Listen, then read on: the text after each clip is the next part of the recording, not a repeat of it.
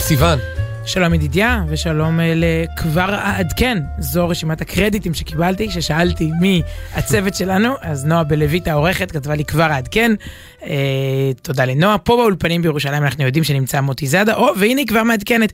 הטכנאי ביפו הוא יואב מנדלוביץ', ובאולפן ורדי שפר ויובל סיסו. ואיך רואים שאת עם הגב לטכנאי? נו. לטכנאים, זה לא מוטי זאדה, אתה אה, אוטומט. ג'וש נחום. זה גם מוטי זאדה וגם ג'וש נחום. מה נשמע? אז גם אני. כבר אעדכן, הנה, כולנו מעודכנים, תודה לכל הצוות לא צריך להגיד איך המפואר הזה. אנחנו, אני אסביר שנייה, כן. אנחנו יושבים באולפני גלי צה"ל בירושלים. תמיד היו אומרים כזה, מסמנים לנו מעבר לזכוכית, אבל כשמסמנים לנו מעבר לזכוכית, את לא יכולה לראות, כי את עם הגב לזכוכית. לזכוכית, בדיוק. לא, את עם פנים לזכוכית כן. אחרת שהיא... של חדר הכתבים, טוב, אתה רוצה כבר לפתוח, לפתוח את זה, זה... אוקיי, זה, בוא נגיד ככה, בתוכנית זוגית, אתה, אתה אחראי על קשר העין עם, ה, עם כן, כל- הטכנאים. כל אחד והתפקידים שלו. את מדברת, אני מסתכל על הטכנאים. אז אוקיי, אז אני אדבר, בסדר, נו. פרשת השבוע, כן, כן, אנחנו פותחים בפרשה, כי, כי באמת חתיכת פרשה, ואנחנו מפחדים של, שלא יישאר זמן אה, בסוף לדבר אליה, מרוב נושאים אחרים ו, וחשובים, מה שכבר כבר קרה פה בעבר. אה, קודם כל, אה, לאחינו המאזינים שבתפוצות, ליבנו איתכם. אתם הולכים לספוג כעת מנת ספוילרים באמת אה, עצבנית ואכזרית. אה, שוב התפצלנו, אנחנו וזה, אני, זו תקופה כזאת, לי, היא מוזרה, שבה בישראל, בגלל החג והשבת שהיו בחג השבועות, בחו"ל, בכל העולם כולו קוראים את פרשת נשוא. הנה בדיוק קיבלתי עכשיו בוואטסאפ באחת הקבוצות, אה, הפרשה הארוכה בתורה לפנינו. הלו, אנחנו כבר גמרנו איתה שבוע שעבר, אבל שם בחו"ל. רגע, זה בגלל שבועות או בגלל כי פסח? היה יומיים של חג, בשבועות, לא, להם היה... לא, לא, בגלל שבועות. אה, הם אז לא היינו- קראו פרשת השבוע כן. בשבת שעברה. כי היה להם יומיים של חג, ולנו היה חג פלוס שבת. אז אנחנו התקדמנו אל השבת, והם בעצם, בגלל... מביאה אה, עכשיו מידע בלעדי בגלי. צה"ל, אנחנו לא מדברים על זה בשום מקום. אני אומרת לך, זה לא נחשף בשום שידור, בשום תחנה לא דיברו על זה, בשום עיתון לא כתבו, איש לא צייץ. זה זה אירוע. חו"ל, החבר'ה... אירוע- בינלאומי. אירוע בינלאומי, שמשפיע על יהדות העולם כולה. השלכות שמקיפות מאלסקה ועד תימן. אמיתי, בוא'נה, מה זאת אומרת? יש יהודים באלסקה ויש יהודים בתימן, זה, זה משפיע. הפרשה שהם יקראו בשבת היא זו של שבוע שעבר. נסביר שוב, כיוון שהחג הוא יומיים בחו"ל, יום טוב שני של גלויות, אז אצלם היה יומיים שבועות, הם לא התקדמו בפרשה. אצלנו רצנו קדימה ב- ב- בסופש האחרון, מה שנקרא, השבועות פלוס, אה, פלוס שבת, ו- וכך בעצם, טוב, אז אם אתם לא רוצים לדעת באמת מה קורה בפרשת בעלותך, אז ת, ת, אל תקשיבו כמה דקות, אבל אנחנו רוצים, אנחנו, ישראל, זה קצת סמלי, ישראל אה, ת- מתקדמת יותר מהעולם כולו, כאן הדברים קורים. Start-Up Nation והפרשה הנכונה. או, בדיוק, אנחנו באמת צועדים עם הזמן, דור העתיד, ואנחנו עם, אה, עם בהעלותך. תשמע, יש רגעים שבהם אתה אומר, "ז- זאת הכותרת של הפרשה, בהעלותך? אני הייתי נותנת את השם בהורידך. היא מלאה בתלונות, במרמור. אה, היא מתחילה באמת בבהעלותך, בככה, בהעלותך את הנרות, צריך להאיר וצריך להדליק אור לעולם, והיא ממשיכה בדברים נורא יפים, ארון הקודש, ארון הברית, ואיך כל, ה, כל העם יוצא סביבו, וכל השבטים, ושבט לוי, ויש חצוצרות, ויש כל מיני תיאורים באמת אה, יפהפיים של, של יציאה לדרך ככה, אה, למסע, ואז מתחילות תלונות. אה, מביכות, כלומר, מסוג הדברים שאם אם אדם היה עורך את התורה, הוא היה חותך אותם החוצה. הנה, אני מקריאה לך. העם, העם, האנשים שראו בעיניים שלהם את ים סוף נקרע. אנשים שראו את פרעה, ואז ראו את משה רבנו, כן? תחשוב שנייה, אתה רואה בעיניים שלך את פרעה, ואז רואה את משה, ואת עשר המכות, ואת הר סיני, ואז יוצא לך מהפה, ולא סתם יוצא, זה, זה נכתב בתורה, לא סתם משפט שאמרת, אלא הוא נכתב לדורות, אנחנו אלפי שנים אחר כך נשב ונקרא אותו. הם אומרים, זכרנו את הדגה אשר נאכל במצרים חינם, את הקישואים ואת האבטיחים, את החציר, את הבצלים ואת השומים. מדהים, אגב, תמיד, כבר כ- כילד זה תפס אותי, כי זו רשימה לא כל כך מרשימה, היא לא מגרה, נכון? בואי, תגידי את זה שוב, דגה. דגים אוקיי מילא, כן. קישואים, קישואים, אבטיחים, לא, לפעמים באיזה יום שאני רעב במיוחד, אני אומר, וואי, בא לי קישור. בצל ושום, שום, השום טוב, המצרי. זה יותר באזור הטיבול אולי, יכול להיות. זאת אומרת, כשאתה מדבר על שום, אתה בעצם חושב על הסטייק עם השום, לא יודע. תגיד לי, מדובר על האושוויץ שלהם, כאילו, על בוא, נשים את זה. רגע על השולחן. כן. זה אנשים שמתגעגעים לשום של אושוויץ. זרקו לכם שם תינוקות ליאור, שיעבדו אתכם. לא מבחינה עכשיו רוחנית, ואתה יודע, וואו, אין- נפשית, מבחינה פיזית, עבדתם שם יומם ולילה, סחבתם לבנים, התעללו בכם. כן, עזבי, אגב, למה לדבר על הגעגועים לשם? בואי נדבר על מה שיש להם כאן, אם כבר מדברים על העניין של האוכל, אם פותחים את זה. מן מן השמיים. זאת אומרת, אוכל, סוג יורד אוכל, אוכל. אוכל פלאי שאתה יכול לדמיין בו מה שאתה רוצה ולהרגיש את הטעם. זאת אומרת, הרבה יותר מקישואים. אתה יכול, אה, אה, יש בדיחה כזאת אה, לדוסית, שמה הדבר היחיד שאתה לא יכול לדמיין במן הזה, באוכל שאתה מדמיין ומרגיש את הטעם שלו? נו. חציל בטעם כבד, או משהו כזה. לא... אני אסביר לך אחרי זה למה זה מצחיק. אוקיי, תסביר לי. אבל בסדר. אבל אה, אה, אני אני מנסה אה, שנייה לנסות להתקדם עם- עם הפרשה קדימה, כי האירוע הזה, אפשר באמת אה, להתעצבן, להיות מתוסכלים, יש פה משהו, אתה שואל את עצמך, מה נסגר? מה נסגר עם- עם אבות אבותינו? ואז אתה מבין שאם זה כתוב, אז כנראה אתה צריך לקרוא את זה עליך ולא עליהם. כלומר, איפה בחיים אנחנו ככה, מלאי מלאי אה, תלונות, לא רואים את החסד, לא רואים את הטוב, מתמקדים באלפית הכוס הריקה, ולא לא, לא, לא ב- בכל המלאות ובכל מה שקיבלנו. אז אה, יכול להיות שהכותרת בעלותך היא, היא, היא, היא נכונה. הנפילות האלה בחיים הן חלק מהגדילה, הם חלק מה... ראיתי פרשנים שכותבים שזה כמו תינוק שלומד ללכת. אנחנו עכשיו, עם ישראל הוא בשלב של כמו תינוק, נכון? נופל וקם, נופל, אין מה לעשות. זה, זאת גדילה, זה שלב של התבגרות, של התפתחות, ו- ולשם אנחנו הולכים. אמ, אז, אז שוב, החצי הראשון של הפרשה מאיר מאוד, החצי השני אה, מ- מ- מבאס, מלא בציניות, מלא במרירות, מלא ב- בתלונות גם כאלה, כאילו זה נהיה הספורט הלאומי. כתוב שהעם בוכה למשפחותיו, כאילו עומדים בכניסה לאוהל. זה אירוע. מכיר, מכיר זהו, זה כאילו, מכיר את זה כזה, אני מדמיינת אותם כזה עם שש בש, והם כאילו ככה, יואו, ראית מה היה היום? יא, זה עוד כלום לעומת, מלבים אחד את השני בתרעומת ובתסכול. הייתה- אה, הייתה תקשורת שם? אני מנסה לחשוב מה הניע, מה... כן. כן, מה עשה את ה... אה, לא, לא תסכל. ויראלי, מפה לאוזן. מה גרם לתסכול, כן, זאת אומרת, מה כן, הפ- כן. הפעיל אותם. ומה שמדהים זה שמבינים פה שצריך תהליך אה, חינוכי ארוך. כלומר, אתה יכול להוציא את העם ממצרים, אתה לא יכול להוציא את מצרים מהעם, סליחה על הקלישאה. אה, ו- וזה הולך לקחת זמן. נותנים להם גם מחנכים, מדריכים, מורים, כל אחד צריך מישהו ש- שירים לו קצת הרוח. אז הם מכשירים שם 70, לא מספיק משה לבד, מכשירים שם עוד 70 נביאים, עוד 70 ככה, הייתי, אופטימיסטים, שהולכים בין האוהלים ומפיחים רוח יותר טובה, ויש סיבה, ויש חזון, ויש לאן, וככה. אמ, וזה גם, אנחנו יודעים בסוף שזה ייקח אה, 40 שנה, כלומר שזה הולך להיות, אה, להיות תהליך, כי, כי עובדים, פה, עובדים פה על משהו גדול. אמ, מה, ש, מה שיפה אבל, זה, שים לב לכל ה-40 שנה האלה במדבר, ואני חושבת שזה רלוונטי להרבה ממסעות אה, חיינו, שהציווי שהם מקבלים הוא כל הזמן, יש להם כל הזמן פעילות, כל הזמן יש איזה ליבה של עבודה, וזה באמת, אני חושבת שיכול לתת השראה להרבה אנשים בהרבה מסעות, בסוף כולנו, ב, אתה יודע, במסע החיים, הם צריכים כל הזמן לבנות משכן. משכן זה המרכז הרוחני, הלב, בוא נגיד, הפועם של, ה, של הפעילות במדבר. כל מקום שאליו הם מגיעים, מה הדבר הראשון שעושים?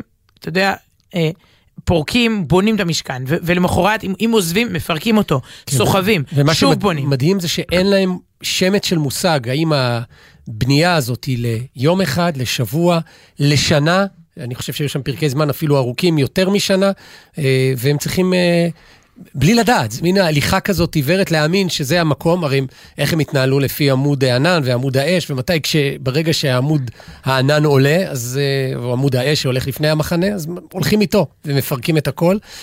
ואת יודעת, זה, זה, זה? בעיניי מסר... כי אנחנו יודעים, כאילו, אנחנו באיזה אשליה של שליטה עצמית, אנחנו לא יודעים כמה זמן תיקח כל תחנה וכל המתנה בחיים וכל דבר. ו- נכון, זה, אבל זה באמת אה, מסר ש, שיוצא מהפרשה ו, ומאוד מדבר אליי באופן אישי. אה, ובואי נגיד ככה, בתקופות מסוימות בחיים, כי הרבה פעמים אתה לא יודע אם אתה נמצא בנקודה מסוימת, אם זה, אם זה ליום, ליומיים, לשנ, לשנתיים, ל, ליותר, ו, ואתה עלול להיתקע, אתה עלול לא לעשות שום דבר, כי, כי עוד מעט זה מסתיים. ו- ולא ככה, זאת אומרת, צריך לפרק, לא לפרק, צריך לבנות את המשכן, להבין שאנחנו נמצאים פה, להתנהג כאילו אנחנו פה, לא רוצה להגיד לעד, כי המטרה היא לא, לא לייאש, להפך, אתה נמצא במסע, אתה הולך, אתה מתקדם כל הזמן. אם אנחנו במשל, אז יוצאים ממצרים לארץ ישראל, מגיעים למקום הרבה יותר טוב. אבל כמה זמן אתה עומד בכל תחנה ואיך איך להתנהג בז- בתקופת ההמתנה, זה, זו, זו נקודה משמעותית. אני זוכר ש... טוב, יש לי הרבה, הרבה נקודות כאלה בחיים שלי, של אה, מסע שאתה אומר, רגע, להקים פה את המשכן או לחכות, זה כבר נגמר ו- ו- וחבל להשקיע. וכשאתה מסתכל אחורה, אתה רואה שזה... ש, שנשארת שם הרבה זמן. וואי, נשמע מדי רוחני, בוא, אני, אני, אתן, אני אתן דוגמה. אני זוכר שכשהשתחררתי מה, מהצבא, ואחרי חשבתי מה אני אעשה מהצבא, מעיתון במחנה, וחשבתי לאיפה אני אשתלב בעולם התקשורת ומה... ואז אמנון דנקנר, זיכרונו לברכה, שהיה עיתונאי גדול, ואיש אה. חזון, איש כתיבה וסופר, וגם איש, איש חזון כזה, איש של רעיונות, והוא הוא פגש אותי, ואז נהיה עורך מעריב, הוא אמר, "אה, אני רוצה אותך לעיתון מעריב, אני, אל, אל תלך לשום, משהו כזה, זה אוטוטו. וקודם כל זה היה, וואו, זה היה מדהים, זה כאילו, מה, מה- יכול להיות יותר מזה, שאמנון דנקנר, עורך מעריב, שבדיוק אז גם גייס אה, כותבים צעירים, ו... ו הוא רוצה אותי, אני, אני בפנים. אבל משהו שם לא התקדם, יכול להיות שבהנהלת חשבונות, את יודעת, שבעניינים ה... הוא, הוא באמת רצה, אני, אני, אני משוכנע בכנות כוונותיו, אבל זה לא כל כך קרה. עכשיו, אני, בינתיים, לא, חיכיתי, זה היה תקופת המתנה כזאת בחיים. אה. לא, אני- הכרתי אותך... רגע, הכרנו אז? לא. אני הכרתי אותך בסופה. אולי אני זאת ש... בסוף החלטתי להתחתן וזהו. לא. הראשונה שהגיעה. אני זוכר אותך בתקופת דנקנר הולך לצלצל. כלומר, אני רק סוגר עם דנקנר. כמה כן. זמן זה נמשך? וואי, המון, המון, המון. כאילו? אני, זהו. אז ואז אתה לא עושה, בגלל שאתה, לפעמים בגלל שאתה מחכה למשהו שהוא גדול וטוב, ובסוף התקדמתי באמת, הסוף הוא טוב, ברוך השם. אבל כשאני חושב, כשאני מסתכל אחורה, ושוב, אני לא מספר פה עכשיו סיפור עיתונאי ברנג'אי על אה, אה, חילוקי דעות בין מחלקת הנהלת החשבונות של מעריב בתקופת... לא, אה, נכנסת למצב תודעתי של כן, דנקנר זה יצלצל, ואני תחשבו מחכה, אני בהמתנה. הדנקנר, ש- מי התקו- איפה אתם תקועים עכשיו בתקופת הדנקנר שלכם? וואו, כמה זמן היא נמשכה, אתה מבין, אני מותר להגיד, אני לא יודע. כן, אני, אני לא, לא, המון, המון, המון, הרבה המון זמן, וזהו, אז צריך לדעת לפעמים לא לחכות, להתקדם, וזהו, בעצם החיים, מה שאתה עושה בזמן שאתה ממתין לדנקנר שלך, שיקדם אותך סוף סוף.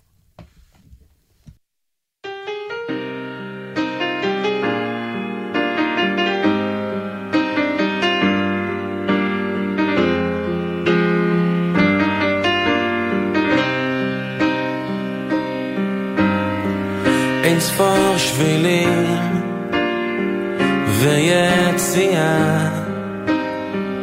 רושם בתוך יומן מסע.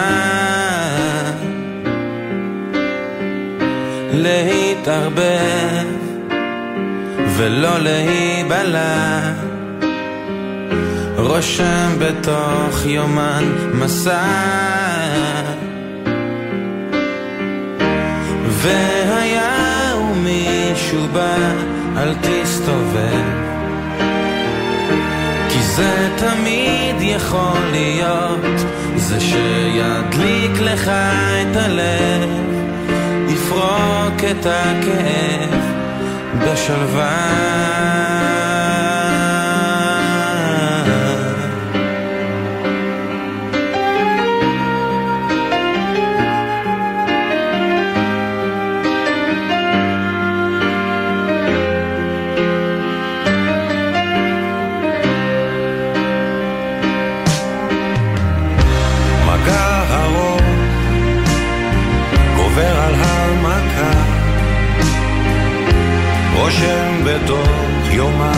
יומן מסע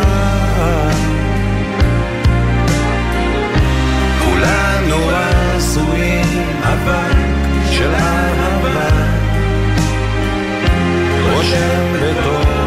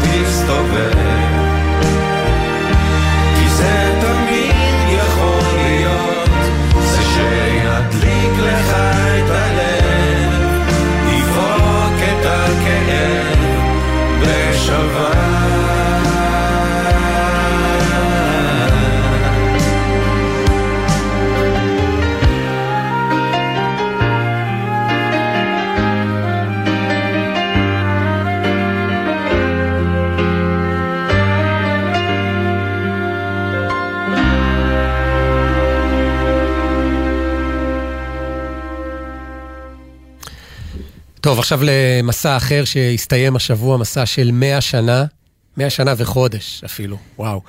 אה, הרב גרשון אדלשטיין שהלך לעולמו, וכל השבוע אני, אני חושב שאנחנו לא מוצאים את עצמנו אומרים, לא, זה האח של הרב אדלשטיין שלנו, נכון? כן. אז אני, אני, אסביר רגע, אנחנו כתבנו, אה, טוב, למי שפנה אלינו לא צריך להסביר, אבל מי ששומע אותנו עכשיו, כתבנו אה, ספר, ביוגרפיה, של הרב אה, יעקב אדלשטיין, הרב של רמת השרון.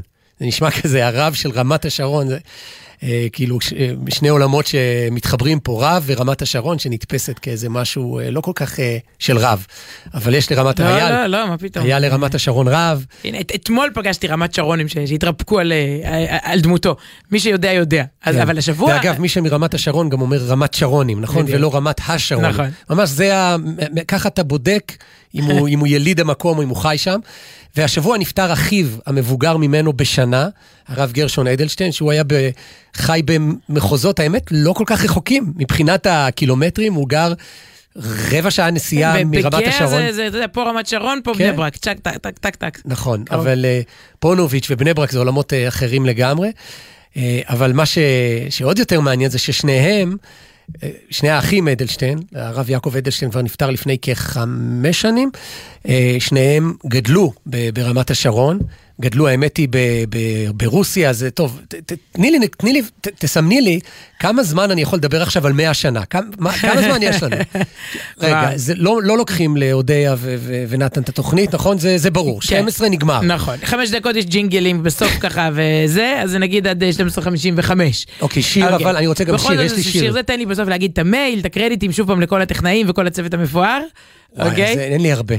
טוב, מה, נצטט מה... לא, אני, אני חושבת, שנייה, אני אעשה רגע סדר, ואז, ואז, ואז תספר מה שאתה רוצה. בעצם נפרדו פה השבוע, אני, אני אגיד לך משהו מעניין. הר, הרבה מאוד אנשים גילו את הרב אדלשטיין באיחור של 100 שנה ויום, את הרב, את הרב גרשון.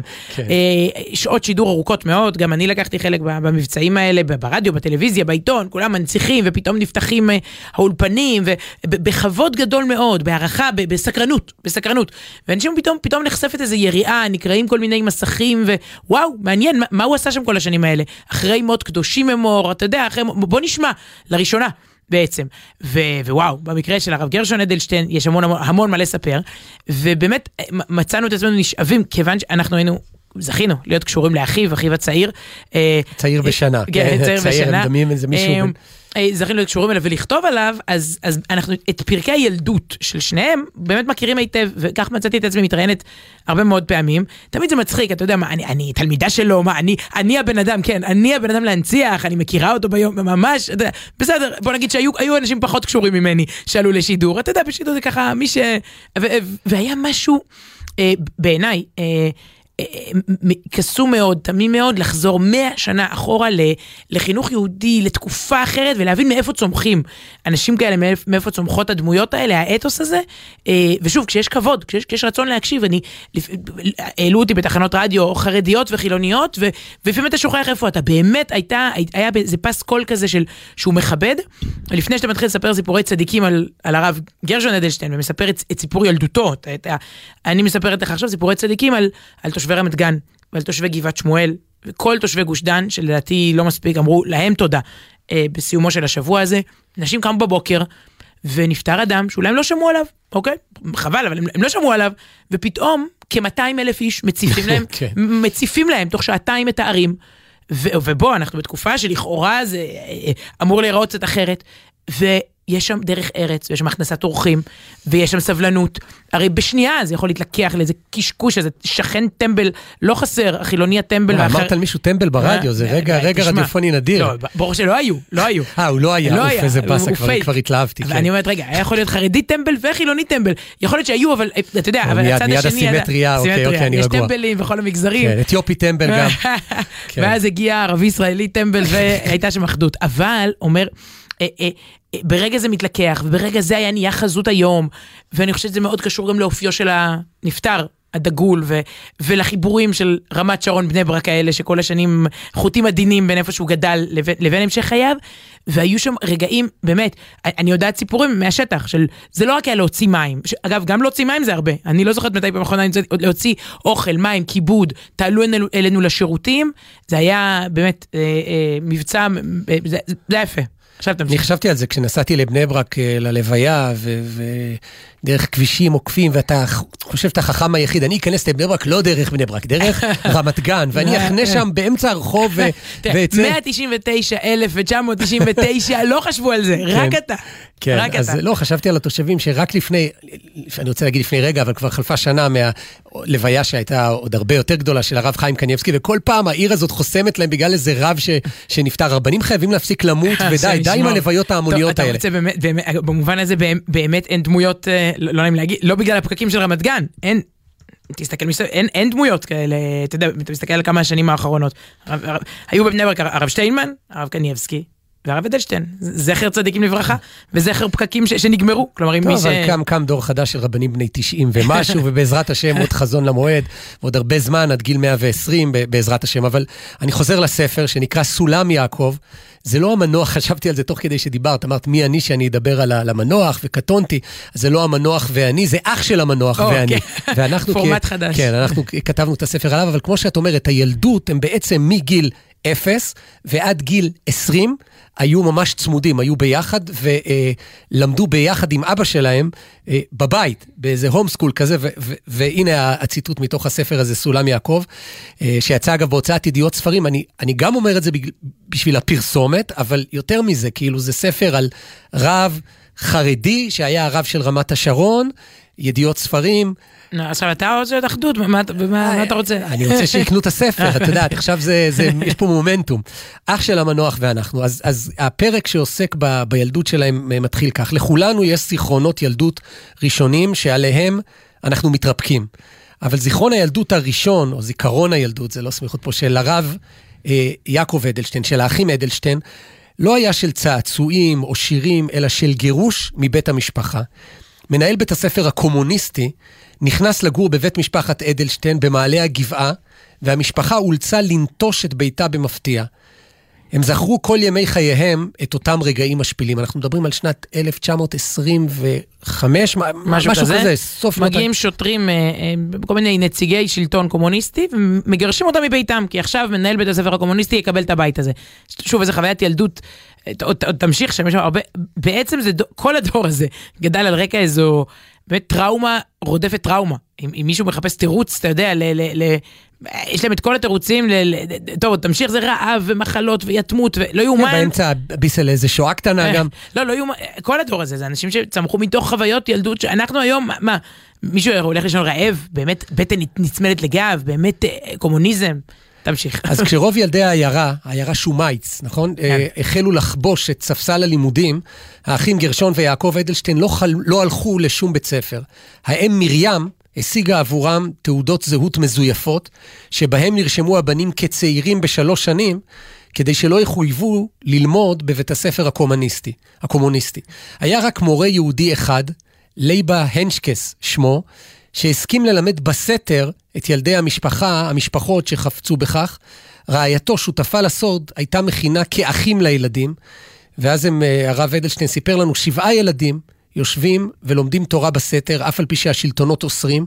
אמרנו אז שאפילו סטלין, שהיו לו מיליוני חיילים ומאות אלפי אנשי קג"ב, פוחד מילדי התלמוד תורה הסודי של העיירה שומייץ. וואו. אני, כששאלו אותם כמה שנות לימודים, אתה יודע, צריך למלא לפעמים טפסים רשמיים של הממשלה, הם היו מסמנים, הגיעו לארץ. כשהגיעו לארץ ולאורך החיים, הם היו מסמנים אפס, אפס שנות לימוד וצוחקים. במסגרת כי- חינוכית. כן, כל השנים היו במסגרות מחתרתיות, ליד, לא, לא בשום מערכת ממוסדת, כי העולם היה פחות, אה, אה, פחות ממוסד.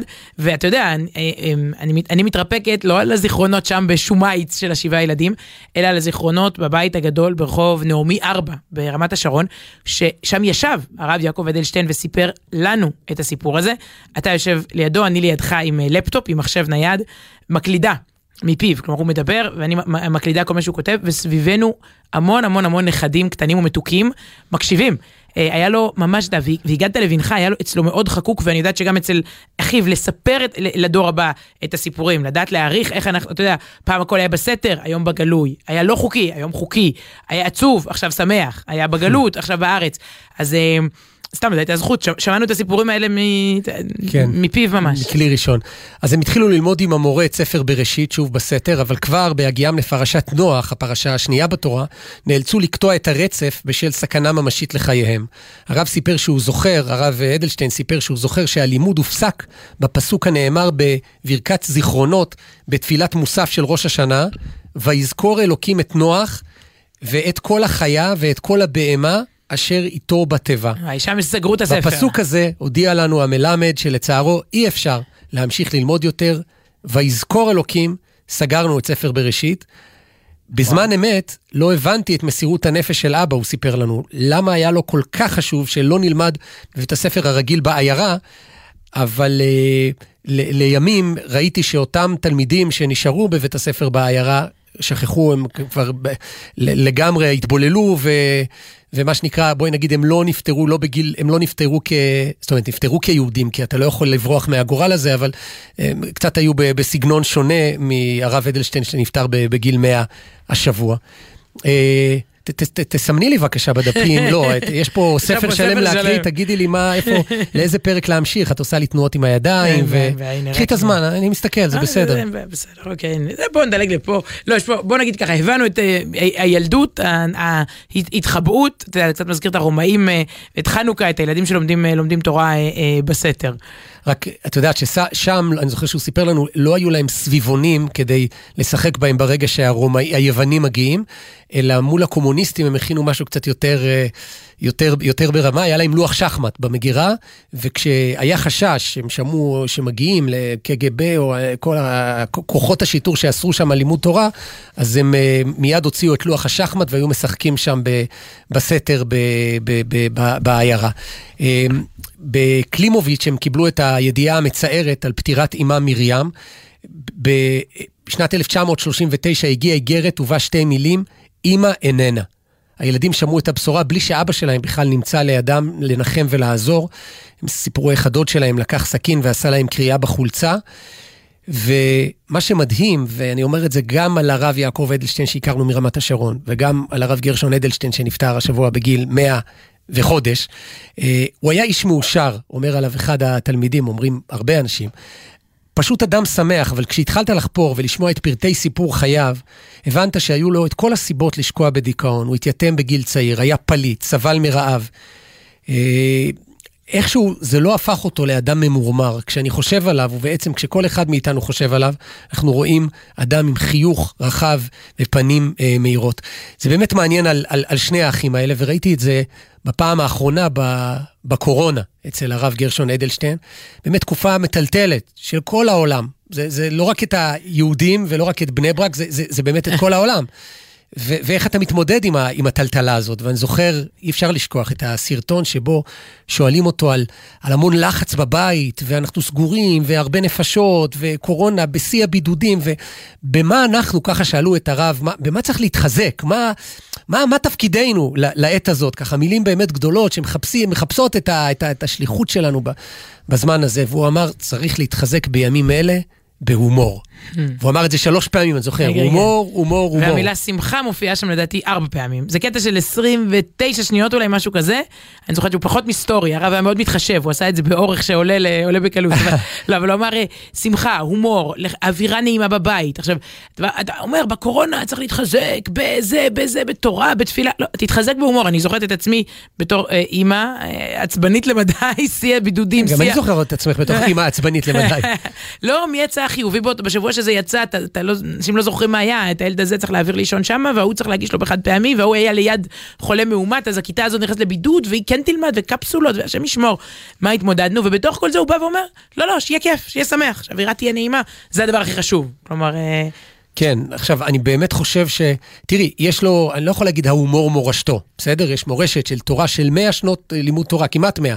הוא לא התחיל בגיל אפס, אבל באמת מגיל שנתיים-שלוש הוא, הוא התחיל ללמוד. ואני זוכר שהם סיפרו איך, איך האבא לוקח, כלומר, כש, כשסוף סוף זוכים לעלות ל- לארץ ישראל, וזה גם סיפור שלם, ההצלה שלהם, איך הם הצליחו, איך הם קיבלו סרטיפיקט, אישור עלייה, הרב קוק, אה, הרב הראשי אה, לארץ ישראל, דאג להם ל- ל- ל- לאישור עלייה, ובעצם כך הציל אותם, ו- וגם גידל פה דור שלם של, של תלמידים, לא רק ב- בעולם התורה של הציונות הדתית, שמזוהה עם הרב קוק, אלא בעצם ראש ישיבת פונוביץ'. זה בזכות, מישהו בז- כתב השבוע שבעצם קוברים פה את אחד מאחרוני פעולותיו, אחרונות הפעולות של הרב קוק בעולם. וואו. קוק הביא אותו. נכון, כל מה אגב, שאתה ב- רואה היום עכשיו, הרב קוק הביא ביום הראשון, אה, לבואם לארץ, הם נסעו לירושלים. כדי לפגוש את הרב קוק ולהגיד לו תודה רבה כן. על הסרטיפיקט. זה היה טוב, המפגש אתה רוצה כבר הראשון. להיכנס לזה, מה היה במפגש? אז... אה, אני- אני הכי רוצה להיכנס אה, למה היה. בשעה 12:34, יש תשמע. זמן, יש, יש, יש, יש זמן. לא, כי אמרת קודם את תכונת השמחה, שזה תמיד מדהים אותי, איך זה, איך זה מאפיין אנשים כאלה תמיד, הצהלה הזאת על הפנים. למה? אני, אני מכירה הרבה מאוד אנשים. תמיד, אה, זה, זה, אלה יהיו הכי מאושרים. ואז אה, באמת המאושר הוא השמח בחלקו, אבל, אבל גם הקטע של הזיכרון הטוב והיחס לכל אדם, זה גם אותו דבר. הם הגיעו לרב קוק, והוא מיד שאל אותם. רגע, את האבא שלהם, אתם הייתם בעיירה הזאת, עם הזה הזה, בתקופה הזאת? התשובה הייתה כן. כלומר, הם זכרו, אה, הוא, הוא זכר ו, ו, והם זכרו איפה, איפה הם נפגשו פעם אחרונה. ו, ולימים, זה מדהים, אז הם, שני האחים זכרו את זה, ש- שמה שהרב קוק עשה זה קודם כל, אתה יודע, אה, אומרים שכל יהודים צריכים שתי שניות כדי למצוא את הקשר, קודם כל מצא איתם את הקשר האנושי. אתם פליטים, הגעתם לארץ, לא, הנה אנחנו מהעיירה, אתם זוכרים את הזה שהיה איתכם, שהוא גם שלי, שזה וזה. ולימים זה הדבר שהכי אפיין. אותם. כלומר, אין מפגש עם, עם, עם הרב אדלשטיין שבו הוא לא מחבר אותך, אתה לא אטום, אתה לא מנותק. זה לא סתם משפחתולוגיה, אתה, אתה גם קצת, אגב, כזה- אני מאוד לא כזאת, אתה מאוד כזה. אז רגע, איזה, איזה כהן אתה? לא, מה זה אני- איזה כהן לפעמים- אתה? איזה, איזה לוי? כן, לא שהאדם לא מנותק, אני ישר קופץ לסבא של ה... רגע, עומד מולך מישהו, לא. לא, אתה והסבא כן. שלו. אבל אה, לימים הוא הוא אחי היה כזה. היו מביאים לו הזמנה לחתונה, או הוא היה פוגש אדם. רגע, אז אתה זה תמיד לחבר, תמיד לקשר, כאילו הכל כזה, כולנו משפחה במובן הכי... עכשיו בואו, אנשים עסוקים, אנשים מבוגרים, אנשים... לא, זה ה... יחד עם עם הצהלה והשמחה, זה גם תשמעי, ה- ה- הזיכרון והקשר האנושי הזה. כן, ו- ומה שמדהים באמת, יש כל כך הרבה דברים מדהימים אבל במאה השנים האלה, אבל צלילות עד הרגע האחרון ועד בכלל. בעצם באופן טבעי, דיברת על הסיקור התקשורתי ו- וכולי, אבל בואי, הסיקור התקשורתי הוא בדרך כלל בעיקר לדמויות תורניות שיש להן השלכות פוליטיות. זאת אומרת, אם היה נפטר רב מאוד גדול, אבל אין לו השלכה, זה לא קשור ל- ל- לפעילות פוליטית, למפלגה, לכמה ח"כים ששרים למרותו, אז זה פחות סיפור, זה פחות מעניין, את התקשורת היא מפספסת את הסיפור הזה. אבל הסיפור הגדול של הרב אדלשטיין, שנפטר השבוע, בואי נגיד שביחס למאה שנותיו, וגם לסדר היום שלו, ל-24 שעותיו בכל יום, העיסוק בפוליטיקה הוא פרומיל, הוא כלום, הוא ממש, אה, הוא ממש זניח. מה עשה האיש ב-80 השנים האחרונות? היה רם, רם זאת אומרת מורה של תלמידי ישיבה. הוא הגיע ל- ל- ל- לישיבה, לאותה ישיבה שבה הוא נפטר כראש הישיבה שלה בשנות ה... 40 כשהוא הוקמה, אפשר סביב אה, הקמת מדינת ישראל, התחיל מונה כ- כמורה, כרב לתלמידים פליטי שואה, שהגיעו לפה, ניצולי שואה, להיות. ל- ללמד אותם, אנשים שאיבדו את כל משפחתם ומגיעים פה ל- לישיבה בארץ אה, ללמוד תורה, כך הוא התחיל, והוא סיים עד יומו האחרון, אה, ואולי יום לפ... רגע. ש- הוא... טוב, אני שומע את עצמי בא- באוזניים כפול, אבל הוא, הוא סיים את, אה, את, את חייו ביומו האחרון, היה ב, ב, בהעברת שיעור.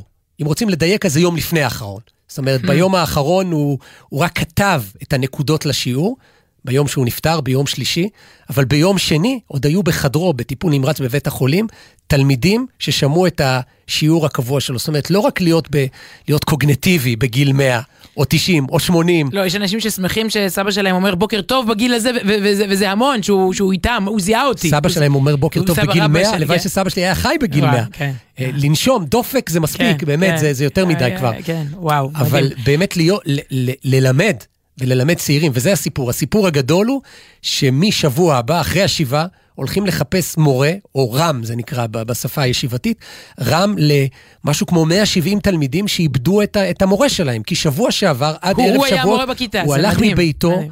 לישיבה הסמוכה והעביר שיעור בגמרא, זה נקרא בעיון, זאת אומרת שיעור מעמיק שאני לא יכול להבין אותו למשל, כן, בגילי הצעיר. וזה דבר, אה, דבר מדהים. מישהו כתב מאוד מאוד יפה השבוע, יש לי, ביק... כתב, יש לי ביקורת על הציבור החרדי, אפשר להתווכח את זה, היום אני רוצה רגע ללמוד, אני מסתכל רגע בענווה, מה אני יכול לקחת, מה אני יכול ללמוד, משהו שהוא, שהוא מרשים אותי. שכחתי להביא את זה לפה, אז אני מסכמת כן. את זה בקצרה. אני חוזר אוקיי. אגב לתקופת הקורונה. טוב, רגע, אתה, אנחנו לא באמת, אה, ידידי, טוב, הנה, מגיע שיר, אני רק... לקחת אותי ברצינות, אתה לא באמת מדבר עד סוף התוכנית. אני רק, לא, אני לא אדבר עד סוף התוכנית, כי חשוב לי השיר אה, שקשור אליו. אבל אם דיברנו על ההומור בתקופת הלחץ של הקורונה, אז מה שבאמת היה מפליא זה שאדם שלא הפסיק ללמוד תורה, גם כשבאמת הקומוניסטים איימו על חייו, והוא התחב... שיחק אותה כאילו הוא משחק שחמט ולמד תורה, אבל כשהגיעה הקורונה והייתה סכנת חיים ופיקוח נפש, אז הוא הורה לסגור את בתי המדרש, לסגור את בתי הכנסת. הוא הקדים בכך את משרד הבריאות אפילו. זאת אומרת, הוא היה מחמיר יותר מהוראות... כן, לא, מש... התקנות אצלו יותר מחמירות מתקנ... מהתקנות כן, ה... כי, של המדינה, כי כשצריך, כן. אז, אז מפסיקים. זה לא בלי מחשבה, היה איזה עדר כזה ש... שאנחנו בכל מחיר ו... ואני מקווה שניקח ממנו גם את התורה, גם את האחריות, גם את, את שיקול הדעת וגם את ההומור, כי ההומור, אנחנו לא מדברים פה בתוכנית הזאת, נכון? לא מדברים פה על פוליטיקה ומחאה ועניינים כאלה, אבל זה דבר שמאוד מאוד מאוד חסר ב... איך זה נקרא? בשיח, ב, ב, במרחב הציבורי במדינת ישראל עכשיו, בימים אלה, הומור היה יכול באמת לעשות אה, פלאים פה, אני חושב, בין המחנות. טוב, אה, יש שיר, ואת רואה, אם אני לחוץ שיר, אז זה לא הולך להיות עכשיו אביב גפן ואריק איינשטיין, באמת, נתנו לך שיר אחד. אני מזהה פה בין השורות, אה, אתה מקדיש לו שיר של הביטלס, נכון? ידעתי. אה, דומה. את יודעת מה? אולי יש השפעות מוזיקליות, יכול להיות, כן, כן, כי זה מגיע מהמחוזות האלה של גיטרה, של מוזיקה פשוטה ואמיתית. אז נפתלי קמפה, ואלי קליין, אה, נפתלי קמפ שר, אלי קליין אה, מעבד וגם אה, מלחין, הלחינו כמה שורות של החזון איש, שזה היה הרב של הרב אדלשטיין והאיש שלאורו הוא חי, והוא זה שבהמלצתו הוא הפך לאיש חינוך ו, וכולי. הוא, הוא כתב על, על מין דמות כזאת של אדם ש, שנמצא ברמה רוחנית מאוד גבוהה, וזה כל אדם עקרונית יכול להגיע לשם, זה רק עניין של עבודה עצמית של מאה שנה, הכל בסדר, ונשמתו מאירה עליו, והדמיון משלים עם השכל. זאת אומרת, אפשר להגיע, יש דמיון, נכון? יש שכל, אפשר להגיע להסכם שלום בשלווה. הזמן, בדיוק. גם אמיר בניון בעצם כתב, דמיון יחתום אה, הסכם שלום עם מציאות. כן, אז אולי, בטח זה, הוא הכיר את זה, אני בטוח. הדמיון משלים עם השכל. רוב הזמן הם בברוגז, הם במלחמה, אבל הם יכולים גם להשלים. לחזות בנועם השם, והשורה, והיא חוזרת על עצמה בשיר, כי אפשר לאדם בעולם הזה להיות כמלאך לרגעים, וליהנות מזיו הקודש. אפשר לכמה דקות להיות מלאך. לרגעים, אה, אז הנה. אולי בזמן ששומעים את השיר אפשר. אז בואי נשמע את נפתלי קמפה.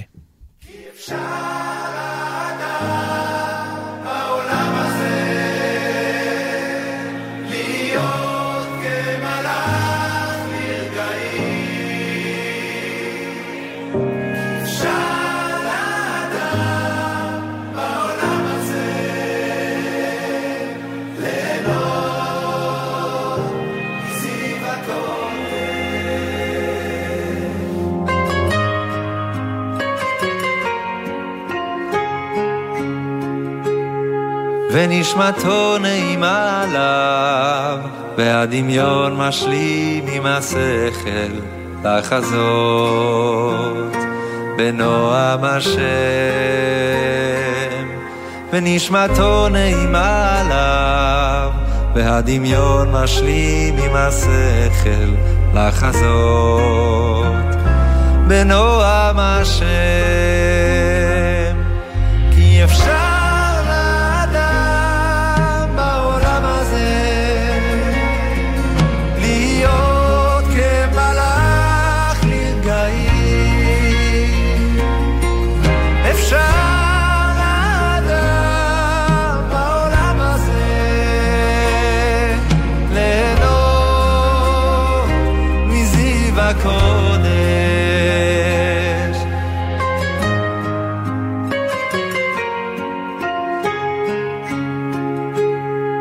ונשמתו נעימה עליו, והדמיון משלים עם השכל לחזות בנועם השם.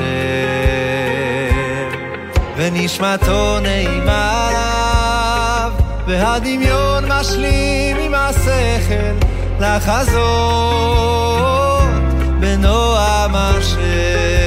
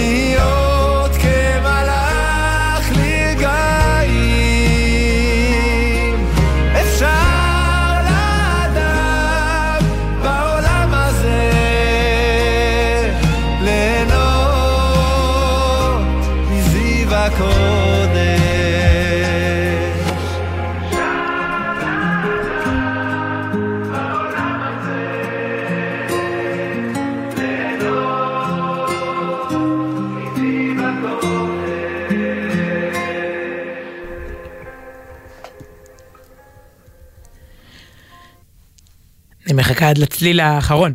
אה, נפתלי קמפ אה, כמלאך לזכר אה, הרב גרשון אדלשטיין, אתה החלטת שזה לזכרו, הש- השיר הוא אה, יצא, יצא עוד קודם, אבל מתאים מאוד, אה, מתאים מאוד. זה נחמד אני- שאת מחכה לצליל האחרון. כי הצופ- המאזינים לא שומעים הצופים, אותה. המאזינים, כאילו הם יושבים עם אוזניות, ואז יש רגע עוד איזה גיטרה קטנה קטנה, כן. שסינגולדה עושה, אז חייבים לשמוע אותה. הם באוטו עם לא. הילדים, הכל בסדר. אין, אין עבירה יותר גדולה משקט בשידור, אתה יודע, צריך למלא את, ה, את החלל. למי שמצטרף אלינו זה כן, לא כן. קרה כלום. לא, גם ממשיכים, ממשיכים. טוב, תשמע. אתה, אתה, נראה לי שיש פה איזה תורנות ככה של שיר שיר, אז בוא, את השיר הבא אני בוחרת, אבל תקשיב מה... בהנחה שיש זמן לעוד שיר. אם השארת לי, בוא נראה מה מוביל אליו. אה, ואני רוצה לצאת פה בקריאה. תחגגו לעצמכם יום הולדת. זה. שים לב, כן, שים לב עכשיו, זה, אני זה יודעת לא שזה מתאים מסנדל, לך. מאוד לא, אני יודעת שזה מסנדל גם אותי. מסנדל אותי, כי אני בדרך כלל, זה, לא יודע, זה ככה, היה, לא היה, פה, את זוכרת שם. באיזה חודש אנחנו כן, נמצאים? כן, כן, בחודש סיוון, אני יודעת, הכל, לא, ככה, מה זה משנה, לא, זה לא העיקר וזה. אז אה, חברה שלי הזמינה אותי ליום הולדת שלה, לא מזמן. אה, ברכה שילת, ברכי, אם אנחנו כבר חברות, ברכי שילת, אפילו לא עגול, כאילו 44, אה, והיא שלחה לי הזמנה, והכל ככה היה, כאילו, אני אומרת, אוקיי, בסדר, יפה, מזל טוב, באמת אני שמחה שנולדת, והגעתי, ואני רוצה לסכם זאת בקריאה, תחגגו לעצמכם יום הולדת. עכשיו, אני אסביר לך שנייה מה היה. היה, אה, אה, יכול להיות שבדור הזה, אה, טוב, הנה ישר אני כבר הולכת להסברים, עזוב, קודם כל היה כיף. היה כיף, ערב נשי, כיפי, אה, טעים, זורם, אבל יש משהו, ב, כאילו בן אדם לא, לא עף על עצמו, המצב הרגיל, הרגיל הוא כאילו, אתה יודע, אנחנו גם בדור כזה מאוד, התחלנו בזה בפרשת השבוע, תלונות, מרמור, ציניות וכולי. ואנחנו צריכים לזכור ש"ואהבת לרעך כמוך", נכון, תמיד אומרים זה הכי חשוב, אז מה הנחת היסוד ב"ואהבת לרעך כמוך"? שאת מי אדם אוהב קודם כל? את, את עצמו. את- כן. אתה שמח שבאת, אתה אור לעולם, אתה, אתה, אתה יודע, אתה, אתה יודע כמה זה טוב שירדת לעולם הזה, שהשקיעו בך, לקחו, לקחו את הנשמה, לקחו את הגוף, חיברו אותם. אני, אני עוד לא נתקלתי דרך אגב בגוף ש... בלי נשמה, או בנשמה בלי גוף. זה עוד, לא- עוד, לא, עוד לא קרה, יור- יורדים לעולם ביחד, וזה אור... דווקא בתי הקברות מלאים בנשמות, בלי- בגוף בלי נשמות. בבתי הקברות, אבל אה, אתה אור לעולם הזה, ואז אה, הגעתי יחסית בסוף. אה, באיחור, אה, כרגיל, לא יודעת, היה לי משהו שם קודם, אה, ו... וישבו שם במעגל ברכות, שבו מה אנחנו בג- בגן צילה, בגן נחמה, מה, מעגל ברכות, וכל אחת, שבו נשים מבוגרות, כל אחת מברכת מה היא לקחה מברכי. ואני אומרת מאיפה, זה, צריך איזה ביטחון עצמי כדי ללכת על הרגש. כי בסוף הרבה יותר קל להיות, הרבה יותר קל לא לעשות לעצמך יום הולדת. ובסדר, נשלח לה כמה אימוג'ים, באמת אני שמחה שהיא נולדה. נכון, אפשר כמה אימוג'ים ככה בזה. ולא, כל אחת יושבת מה היא קיבלה מברכי. וחשבתי שזה כבר השיא המבוכה של הערב, בסדר, אוקיי, כאילו. אה, ואז ראיתי מי, מי מנחה את הדבר הזה, והיא עשתה את זה בהמון ביטחון עצמי. וזה גרם לכולן לא להתבייש, הרי בסוף באמת אתה ככה, מה עכשיו פה, נשב פה להפעלות קבוצתיות וכו', כל אחד יש תירוץ, וכמובן שהסלולרי, איך שמתחיל רגש, כולם בורחים לסלולרי, זה מדהים. כאילו יש פה עכשיו, זה- זה באמת? גם מדהים. אצל בנות כאילו? לא, זה אירוע כן. כזה היה אירוע... אצלי, אתה יודע מה, אולי היו כאלה שיותר אה, רוחניות, יותר התחברו. אני כאילו, יאללה, יאללה, ריג שלי פה, ריג שלי, כל אחד מספר פני קיבלה ממנה, בוא, יש לי וואטסאפים, יש לי וואטסאפים. ו... ומי שהנחיתה את כל המעגל הזה קוראים לה אה, שרון אדם. אה, שהיא בקטנה, אתה יודע... קוראים לה אימא של עומר אדם, כאילו? היא לא רק אימא של עומר אדם, היא בפני עצמה, ואמרה לי אחר כך יש לה ניסיון בדיוק בדינמיקות הקבוצתיות האלה, שאני, באופי שלי, באמת אני בורחת מהדברים האלה, כאילו, אם היו אומרים לי, אם היה בהזמנה, מה השעה של המעגל, הייתי בא אחריה. כאילו, לא- לא מתאים לי לשבת במעגל עכשיו וכולם, זה עוד היה רק ההתחלה, חכה לאן זה עוד מתפתח, חכה לשיר.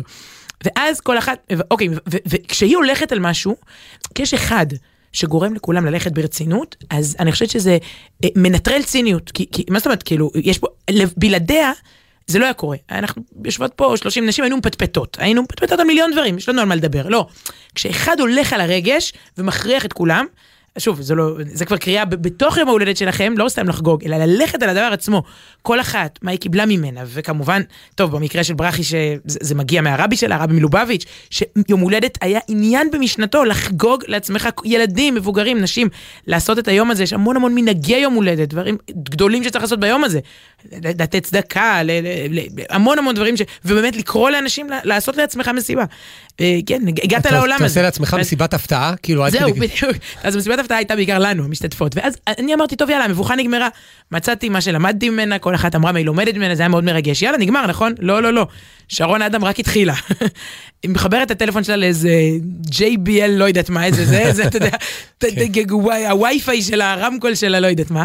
וכולם, ועכשיו באמת, וכולם... ביום הולדת של ברכי שילה JBL היה לא, שם לא, לא, הגברה היה יותר טובה, תעשי לי טובה, נכון. נו באמת. ואז מתחיל... אנשים שעושים את סם אה. האירוע המוזיקלי הכי גדול בשנה, כן. ו- ו- ו- ושוב, ב- בחיים לא הייתי עומדת במעגל מחובקת בנשים, שרה את השיר מודה אני כל בוקר של עומר אדם, יש תיעוד? בעיניים עצומות, בעיניים עצומות.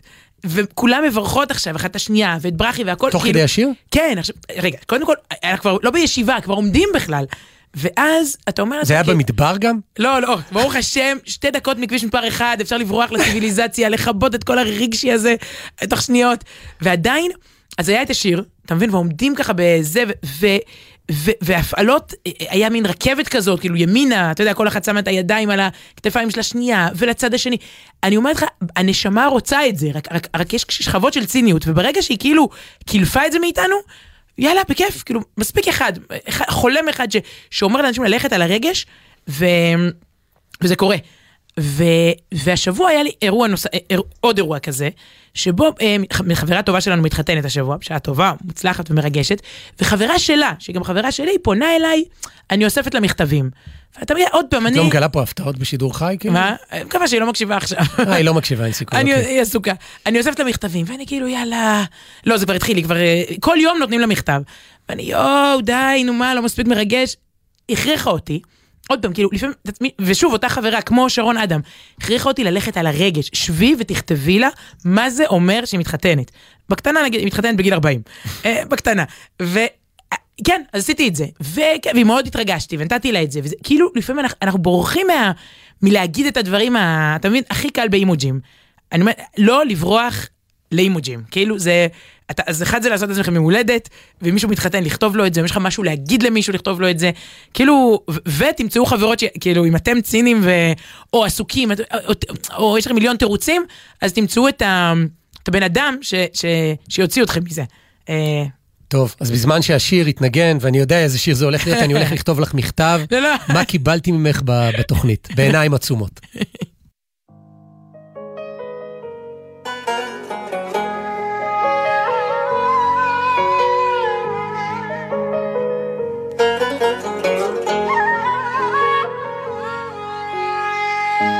מודה אני כל בוקר שהחזרת את נשמתי, מודה אני על בגד שהנחת על גופי, שלא יהיה לי קר, אתה שומר עליי. מודה אני כל בוקר על האור, על עצם היותי, מודה אני על לחם לשולחני, שלא אהיה רעב, שלא אדע.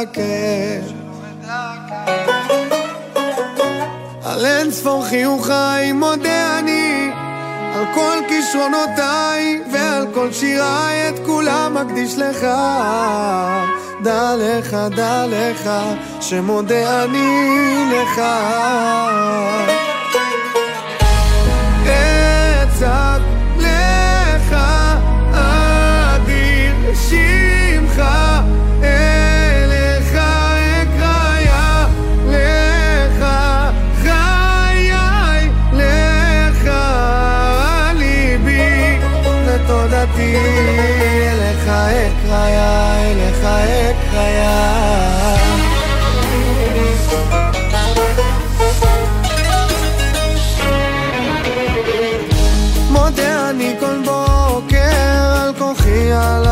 אמי, מודה אני על גשם שנתת בשדותיי, לדאוג לאוהביי, נתת לי חיי. על יום המנוחה מודה אני, על שפע וברכה, למשפחה כל כולי רק בזכותך. דע לך, דע לך, שמודה אני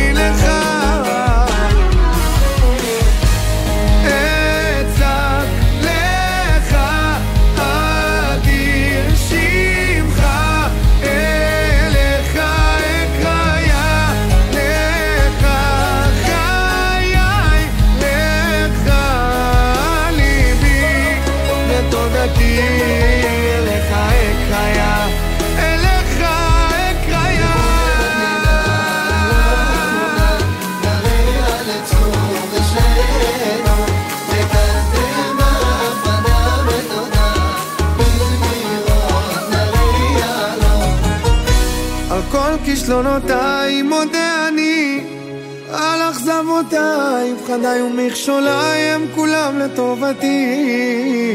אין אחר בליבי, רק לך מודה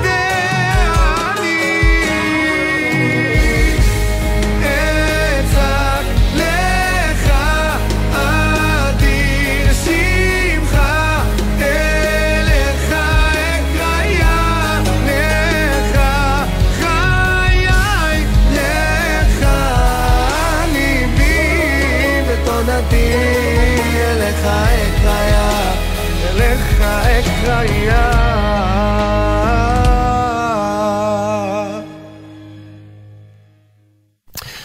יפה הוא שר הבן של שרון האדם. יש לך כבר קרדיטים מי היה הטכנאי בתל אביב, אצלנו פה בירושלים, ג'וש נחום. ומוטי זאדה, כן? תראה, הרי קרדיטים מופיעים בקבוצה שלנו שנקראת סוף שבוע זוגי. תראה כמה וואטסאפים קיבלתי, זה מטורף. מתחילת השעה הזאת, אגב, הרבה של מאזינים, תודה לכם. אה, כמה וואטסאפים, נו תקפיצו לי את זה, חבר'ה, הח- החברים בקבוצת סוף שבוע זוגי, נו איפה זה? אנחנו... קחי את הזמן, יש לך רק 30 שניות למצוא את זה, זה בסדר. אמיתי, מה, האישה שלא מצאה את הקרדיטים. הנה, הנה. הנה, זה, הנה זה. הטכנאי ביפו יואב מנדלוביץ', באולפן, ורדי שפר ויובל סיסו, הטכנאי הוא גם אור מטלון, ותודה רבה כרגיל לנועה בלויטה. כתובת המייל שלנו לתגובותיכם מסוף שבוע, במילה אחת, סוף שבוע, אה, שטרודל, ג'יגמל, נקודה קום, נכון? אמרתי את זה נכון? שבת שלום. שבת שלום.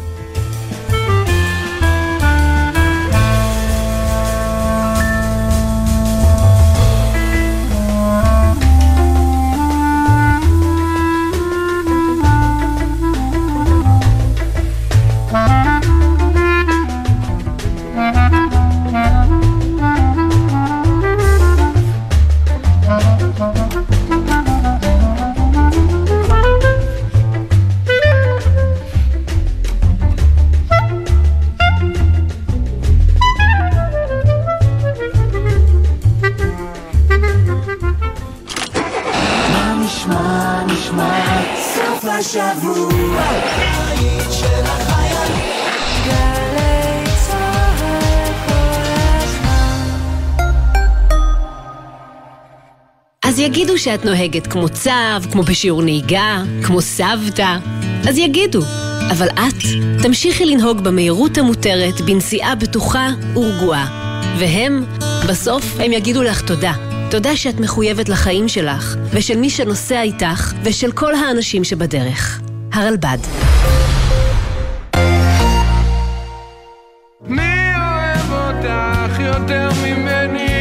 ומי אוהבת את ארכדי דוכין יותר מגלי צה"ל? ענבל גזית מארחת את המוזיקאי המצליח לכבוד יום הולדתו ה-60 עם השירים, הסיפורים והחלומות לעתיד. אני משוגע כי אני בלי חמש שירים ביום, חדשים, לא חי טוב. כל יום אתה כותב חמישה שירים חדשים? או כותב או מלחין או עושה טרק, לתיק שלי זה כל יום ליצור. מחר, שתיים בצהריים, גלי צה"ל.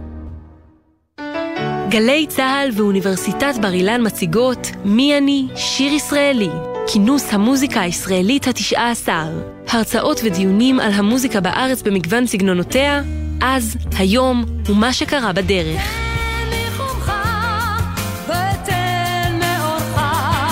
וגם אירוע הוקרה למלחינה והיוצרת תלמה אליגון רוז, "מי אני?" שיר ישראלי, שני, במהלך כל היום באוניברסיטת בר אילן, ובקרוב בגלי צה"ל. ההשתתפות ללא תשלום ובהרשמה מראש.